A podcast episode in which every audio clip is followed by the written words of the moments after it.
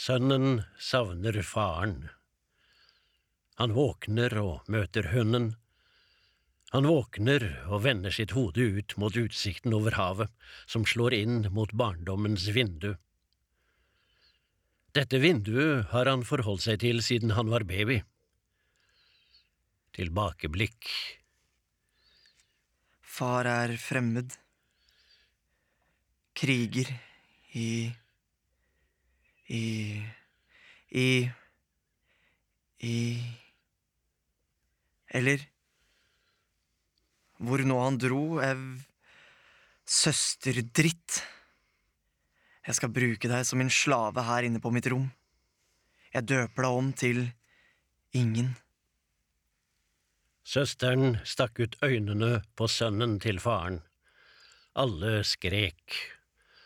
Søsteren røsker med seg en skinnsekk. Hun gjemmer seg under buken på en av gårdssauene. Saueflokken løper. De feite bøndene på stranden dreper de fleste. Søsteren kommer seg unna. Hun flyktet med den siste sauen ut på havet. Sauen drukner etter hvert. Søsteren stønner og svømmer videre ut med en skinnsekk som livbøye. Moren, som sto lengre nede i en lang gang, i et enormt hus, roper. Hva er galt? Ingen har stukket ut mine øyne! Nå vel! Slutt å skrike!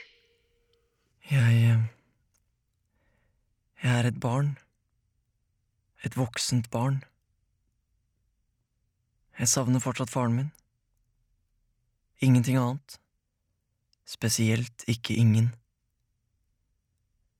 Jeg ser ham ikke på vannet.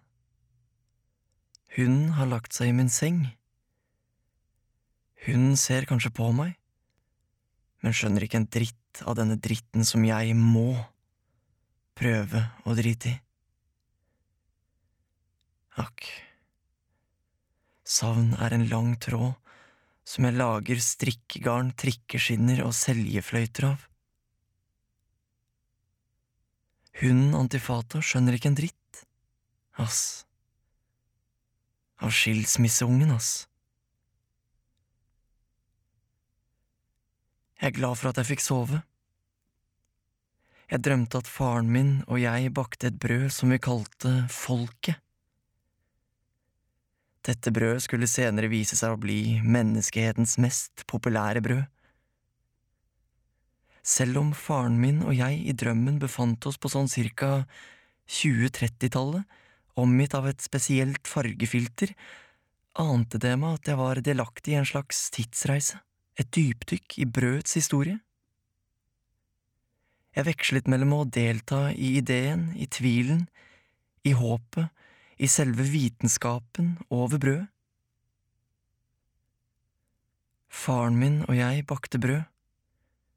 Vi kalte brødet Folket. Det minnet en aning om kneippbrød, men var grovere og inneholdt sirup.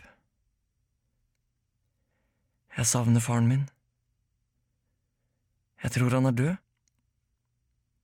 Jeg fantaserer om hvordan han dør. En krig? Please. Det siste brevet jeg så, inneholdt et bilde av faren min og en annen fremmed, feit damemann. De var på selfangst. De hadde splittet opp uken på hver sin selmor. Der satt de og spiste hver sin matpakke, langt der ute på et duvende isflak. Lurer på om de spiste folket? Det hadde vært noe. Litt gøy. Akkurat nå ser jeg ham ikke for meg lenger. Jeg ser ingenting. Jeg blir min far igjennom hans gamle fotopostkortbrev som jeg memorerer. Resten dikter jeg opp og lever ut. Ikke rart mine følelser er merkelige, i og med at jeg inntok en karakter som var min far. Min far er Jeg er Dada Daddy Da Capo. Min øy vet ikke at de forholdt seg til en far hele tiden. Jeg vet en hel del nå. Jeg vet at de forholdt seg til min far i hans kroppslige fravær i… hm… år.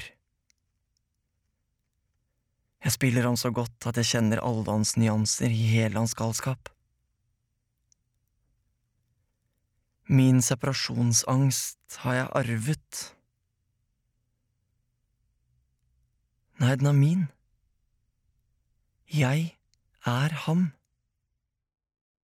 Du har hørt utdrag fra Odysseen, en indre og en ytre reise, av Pernille Lindstad.